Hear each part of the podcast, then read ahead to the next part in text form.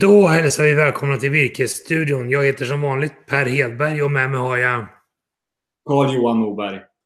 Och Virkesstudion görs ju precis som vanligt i samarbete med tidningen Skogen och med Ludvig och Company. Och de kan man läsa mer om antingen då på skogen.se eller ludvig.se. Och Virkesstudion kan man läsa mer om på virkesborsen.se snedstreck nyheter. Där hittar man alla gamla avsnitt och sådär. Du Carl-Johan, jag upplever att det är många som pratar om skog. Vi läser om skog nästan varje dag i tidningarna. Vi hör om det på TV. Är det någon form av coronaeffekt kring skogen? Eller vad är det som ligger bakom det här intresset tror du? Nej, men det tror jag alla gånger är en del i det hela. Att man eh, under det här året har verkligen sett till att komma ut i skog och mark som många gör. Det tror jag man kan återspegla sig både när man tittar på siffror från eh, företag som säljer friluftskläder, friluftsartiklar, att de går bra. Eh, och det här gör ju också att folk kommer ut i skog och mark, vilket är jättebra. Eh, att röra på sig och se och, och andas frisk luft. Och samtidigt så ser man ju liksom egentligen vad som händer där ute. Och då samtidigt då med den debatten som har kommit upp vad gäller liksom dels hur Sveaskog sköter sina skogar och eh, den allmänna debatten om andra typer av skogsbruksmodeller så tror jag att det har, blivit, att det har kommit högt på agendan. Och det är väl bara att vänja sig på något sätt tror jag att ju fler människor som är ute i skogen och nyttjar skog och mark, desto fler åsikter om hur vi ska sköta och nyttja vår skog och mark. Så att jag tänker att det här är ett lite nytt normalläge kring diskussionen kring skog och mark också som vi ser just nu. Eller vad tror du? Nej, men det tror jag också. Och det är jättebra att vi får upp, upp det på agendan, för skogen är ju livsviktig för Sverige. Sen måste man ju då också... Det finns ju allemansrätten, att man har rätt att vistas och vara i skog och mark.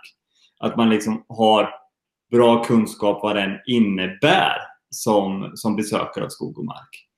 Eh, jag tycker det är så roligt för jag brukade skoja förr i tiden, det är bara några år sedan, då skojade de när jag var liten och då gjorde vi kottdjur ute i skogen och sådana saker. Och nu är jag faktiskt där själv, att vi är ute i skogen med familjen och leker i skogen och nyttjar skogen på ett helt annat sätt än vad vi gjorde förut.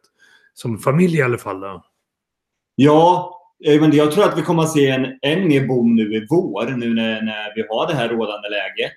Vi har haft vinterveckor nu. Där jag bor i, på västkusten har vi haft tre veckor riktigt bra vinter.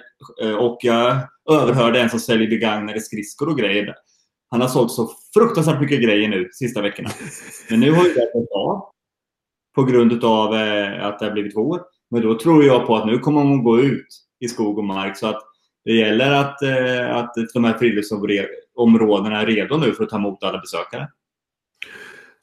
Våren har kommit väldigt snabbt också. Jag noterade att här i morse var det 10 plusgrader och det är ju nästan 20 graders skillnad mot bara för en vecka sedan. Hur tror du att det påverkar skogsbruket? Blir det svårare att få fram virke nu eller hur, hur påverkar det skogsägarna tror du? Eh, nej men alltså, det är precis som du säger. Man kunde lyssna på, på radion i morse att det var 26 grader, eller i helgen att det var någon 26 grader skillnad på några dagar uppe i Värmland. Och Värmland som är ett eh, det är ganska kuperat landskap uppe på höjderna där så är det fortfarande eh, vinter med mycket snö men kommer du neråt i dalgångarna så är det ju som sagt var våren är där. Och det är klart att det påverkar ju. Det första som egentligen händer det är att vägarna kanske inte håller på samma sätt. Det håller inte när man kör i skogen med skogsmaskinerna.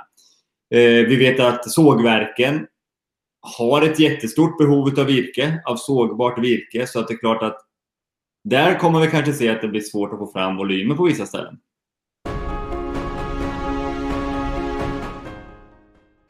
Jag tänkte att vi skulle fokusera lite grann idag på att prata om det här med hur det går för skogsindustrin. Vi släppte ju nyligen en rapport där vi jämför alla publikt redovisande skogsbolags resultat och den är väldigt intressant. Vi släpper den varje kvartal och vill man ta del av den så ligger den alldeles gratis då under virkesborgsen.se nyheter så hittar man till vår finansrapport. Och det finns några väldigt intressanta saker att lyfta fram från den här rapporten.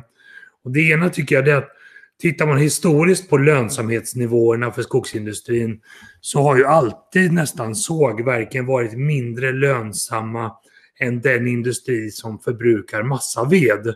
Så att de som gör kartong, tryckpapper och massa och vad det nu kan vara, det är historiskt mycket mer lönsamt än såga trävaror. Men vad som hände under förra året och vad som är väldigt intressant det är att sågverken såg liksom en boom i spåren av corona och deras lönsamhetsnivå har gått upp successivt. Och för sista kvartalet så nådde den 10% i genomsnitt då för de publikt redovisande sågverken. Och det är, en, det är en historiskt hög nivå för sågverken. Och det tror man inte riktigt. Det är ju inte någon jättehög marginal kanske, men det är, det är en väldigt bra marginal för sågverken. Så det går väldigt bra för sågverken. Och samtidigt så ser vi då för industrin som förbrukar massaved. Det är de som gör massa, tryckpapper, kartong och den typen av produkter. De gick till ett negativt resultat under kvartal fyra förra året. Så att deras resultat har påverkats negativt under corona. Och det hänger ihop med valutakurser och andra saker också. Men vi har just nu en situation i skogsindustrin där sågverken är mycket, mycket mer lönsamma än massavedsförbrukarna. Och det påverkar också lite grann skogsägarna, eller vad tänker du Carl-Johan? Ja, och det här tycker jag ju är ju ganska men, glädjande att se att man får betalt för virket och att för det är ju ändå det som är den stora, eller stor volym och det som växer längst och sådana saker. Och, och det är också att det används mer virke i byggnationen. Så det är ju jätteroligt att se. Tittar man på massaveden så vet vi, det är ju nedgången av tryckpapper som har bland annat gjort det här. Frågan är om den någonsin kommer återhämta sig. Det kan vi spekulera i, men jag tror att det verkligen kommer att bli svårt. Och sen så får vi se de nya produkterna, med, eller nya produkter, men vi vet att kartongen har ju gått jättebra. Men det kommer ju andra saker in också. Senast häromdagen köpte jag en, en, en Festis med papperssugrör. Liksom. Så att det kommer ju hela tiden nya saker. Nej, det gör det och jag tror att du har helt rätt men det är en strukturell förändring vi ser inom massavedsförbrukningen i Sverige just nu. Dels för att vi har granbarkborre som nästan är en del av den nya normalen i Sverige och skogsbruket. Men också att vi långsamt nu fasar ut de här produkterna som används så lite i en allt mer digitaliserad värld med tryckpapper och tidningspapper. Men samtidigt så kommer det nya produkter. Vi kunde i veckan läsa om det här Tree to Textile som H&M, Ikea och några till ligger bakom.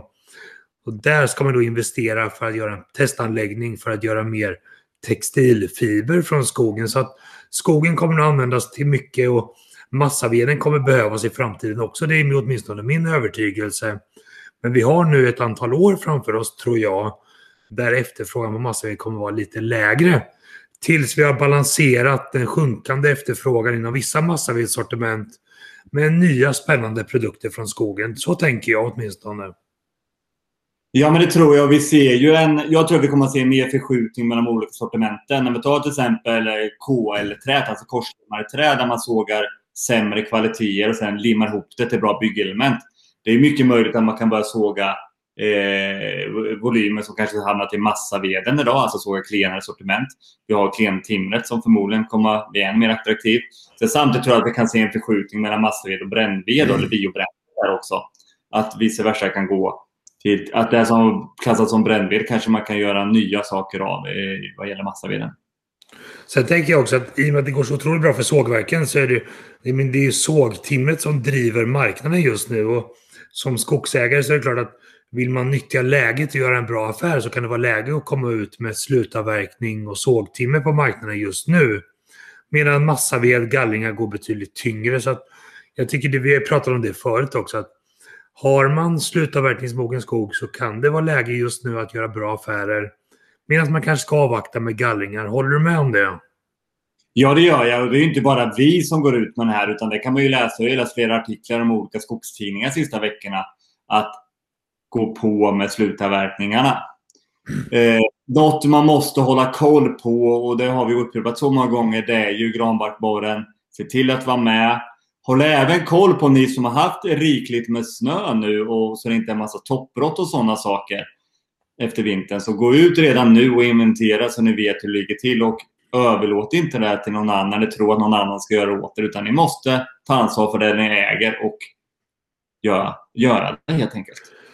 Sen är det intressant att tänka, för jag tror att vi kan förvänta oss ganska stora granbarkborreskador längre fram under sommaren också. Då kommer vi nog se att det kommer ut väldigt mycket sågtimmer på marknaden också. Så att möjligtvis så kommer det utbudet balansera efterfrågan lite grann här framåt eh, året också.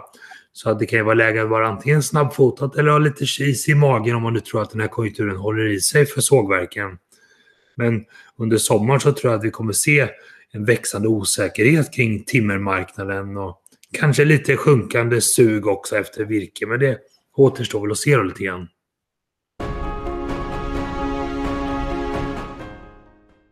Då har vi pratat om uppdelningen mellan sågverk och massavedsförbrukare.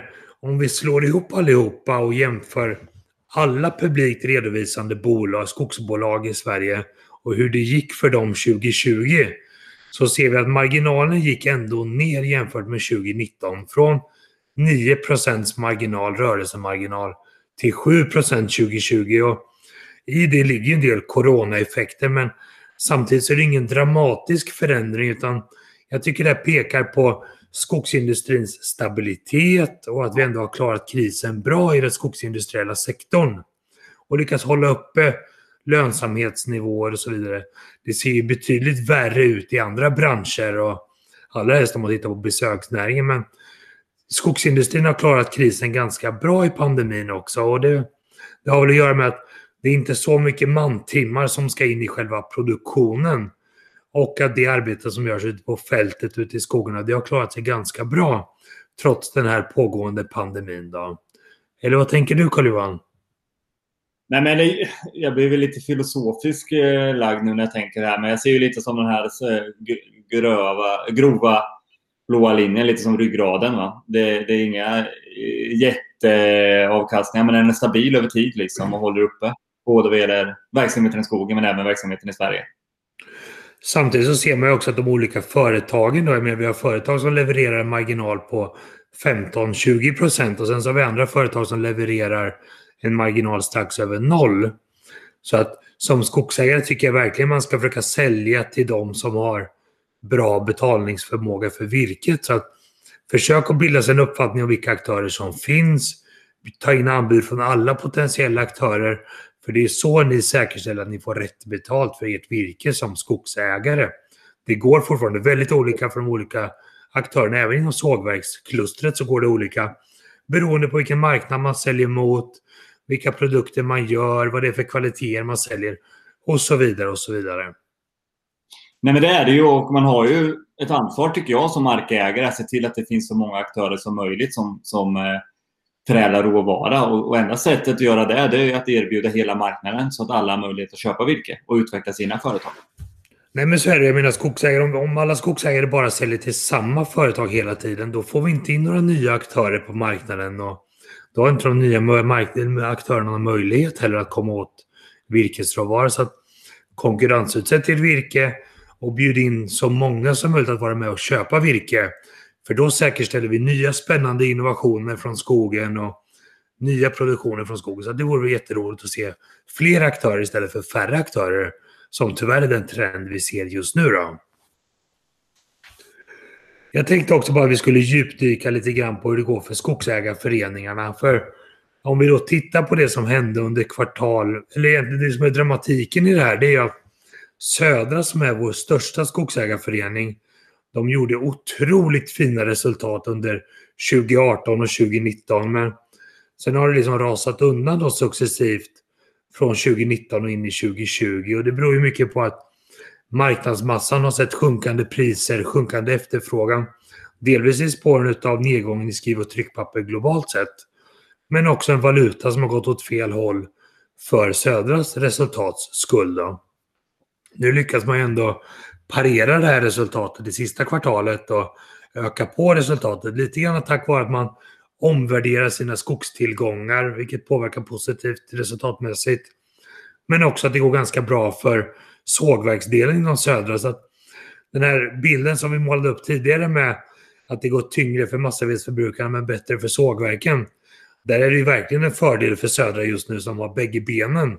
Så att man kan vikta över och hämta hem en del av resultatet med att tappa på ena benet och det blir liksom en karusell och gungor-effekt för Södra och det är jättepositivt för dem. Och det ser vi inte bland de andra skogsägarföreningarna heller. Nej, men det är ju precis som du säger och det finns ju viss ljusning tendens på, på massamarknaden också. Så det har ju fört med sig det här i positiv riktning som är jätteroligt att se. Och jag tycker när vi hör att mot rälsen, att vi hör att nu börjar man sakta kunna se lite positiva rörelser på massapriset också, att det ska komma uppåt. För Södra Cell redovisar ändå ett negativt resultat för kvartal 4 och det har också sjunkit undan successivt. Och jämför man då med rekordresultatet 2018, då hade man en rörelsemarginal inom Södra Cell på 30 procent. Och i kvartal 4 2020 då landade det på minus 10 procent. Så vi pratade om stora temperaturskillnader tidigare. Men här har vi en jätteskillnad också i rörelsemarginal för Södra Cell. Och valuta och eh, slutpriset då på marknadsmassa har ju verkligen gått åt fel riktning. Men nu hoppas vi att vi kan se en liten vändning på det här och att det ska kunna komma tillbaka även till skogsägarna så småningom med stigande priser på massaveden också. Men här har det varit en dramatisk utförslöpa framförallt för Södra Cell. Men samma sak gäller ju även Holmen Kartong eller Holmen Paper där lönsamhetsnivåerna har rört sig neråt successivt. Och för Holmen Paper är det naturligt i och med att det kanske är produkter som är hårt ansatta av digitaliseringen och den strukturella förändring vi ser i våra beteenden som konsumenter. Och för Holmen Kartong så är det lite andra faktorer som spelar in som underhållsstopp och lite sådana saker. Så att, men även där har resultatet gått ner då tyvärr. Men det, det man tittar tillbaka nu till 2018 och hade de här rekordåren där. Det som är intressant att kolla på, vad gjorde företagen då för att rusta sig framåt? För det enda vi vet är ju att, att marknaden den går upp och ner. Så när man har de här eh, höga eh, rörelseresultaten då, hur investerar man för framtiden och framtida nedgångar? Gjorde man effektivisering i sina processer, se till att hålla igång bruken, gjorde stora investeringar. För det är det som ska löna sig på sikt också, när man, hade, då man gjorde investeringar när man hade pengar. Nej, men så, det som är intressant med Södra är att man gjorde stora vinster inom Södra Cell som man sedan använde för att köpa skog. Och det är också en omfördelning av sina resurser på något sätt. Sen har man ju också investerat mer i sina bruk och effektiviserat sina bruk och gjort dem större. Men man har ju viktat om till att gå mer mot att äga skog i förhållande till hur man fördelat sina vinster åtminstone i företaget. Vilket är lite intressant.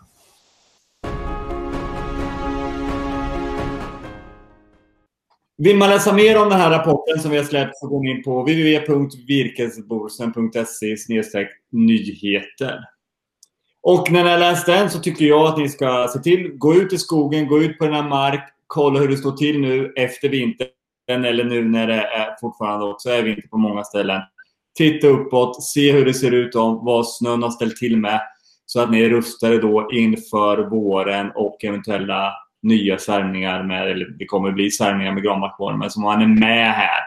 Och se till då att vara, även, vara aktiv i skogen, vara även aktiv med era virkesaffärer. Karl-Johan, stort tack för idag. Jag tycker vi tar och rundar av där och så tackar vi så är vi snart tillbaka med en ny virkesstudion igen. Tack snälla, ha det gott! Detsamma, hej då!